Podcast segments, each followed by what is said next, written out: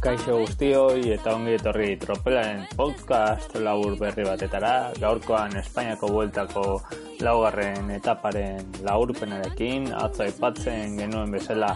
Belez Malaga eta Alfakar arteko eunde iruro eta kilometroak izan dituzte txerrindulariak aurretik eta lehen aldiz mendatean mendate garrantzitsu batean amaitu den etapa lehen maiako mendatean aurretik ere beste mm, etapa erdikaldean beste lehen maiako mendate bat izan dute txerrindulariek eta sorpresa eh? izan dugu gaurko etapan ieslariek izan dutelako protagonismoa eta iesaldiko batek irabazi duelako etapa e, aipatu esela iesaldiak izan du protagonismoa behatzi lagun, behatzi txernulari e, hartu dute abantaia tropel nagusiari ia amar minutuko abantaia ere izan dute ba, apenas oita mar kilometroren faltan zegoenean e, etapa amaitzeko eta basidurien lider aldaketa eta guzti izango genuela baina bueno, eh, gero ikusi da azkenean ez dela horrelakorik gertatu baina bai ieslariko kide batek eraman duela garaipena. Aipatu bezala, iesean ibili diren behatzi txerrindulariak, Ben Gastor AGBR-koa, Nikita Stalnov Astanakoa,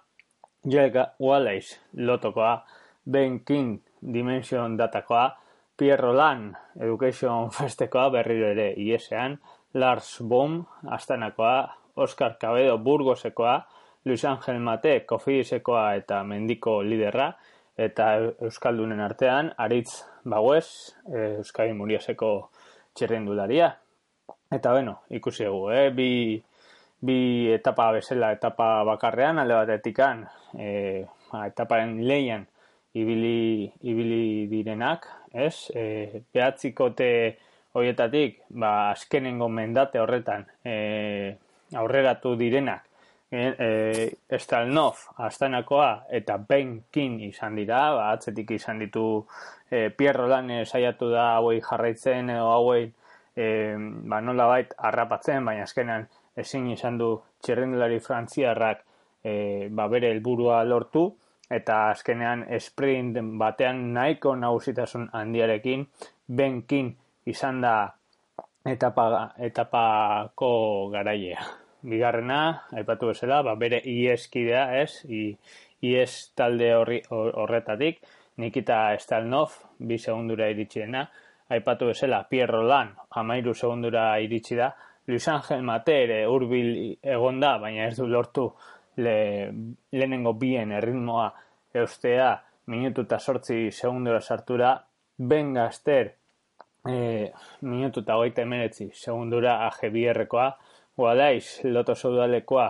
minutu eta berroita emezazpi segundora sartu da, zazpigarrena Oscar Cabedo izan da, Burgos BH-koa, Simon Yates izan da sortzigarrena favoritoen artean lehenengo, lehenengoa, ez? Eta, bueno, ikusi da, ba, lotok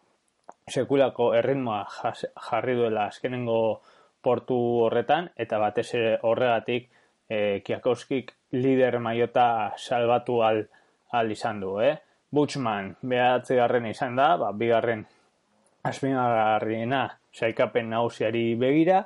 e, bi minutu eta berro eta amar segundura,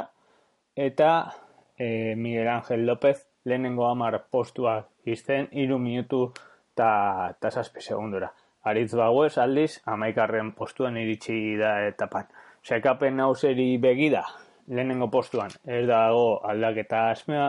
ez dago aldaketarik, Jakowski jarritzen du lider, baina bigarren postuan Butchman jarri da, saspi segundura, Simon Yates behatzi da, amabigarren tokitik, irugarren postura, igo da, eta amar segundura jarri da, Balberde bi postu batzera egin ditu, laugarren kokatuta, Kelderman, bosgarren ago, zekapen nahusian, Joni Zairrek ere postu bat atzera egin du, zeigarren tokian kokatuz, Galopin, Quintana Cruiseweek eta Mas, ah, etik amargaren postutara postu batzuk egin dituzte aurrera, puntukakoari dagokionez Kiakowskik jarraitzen du lider, mendikoari Luis Angel Mate e, jarraitzen du lider, eutxi egin dio lider izateari, eta taldekakoan ba, astana, eh? jarri da lider, minutu eta erdira moiztari izan da. Hau izan da etaparen laburpena, gauza gehiegi ez dugu ikusi saikapen nausenen lehiaren begira lehenengo test honetan, biharko etapa e, Granada eta Roketas de Mar arteko egun da laro eta sortzi kilometro izango dira,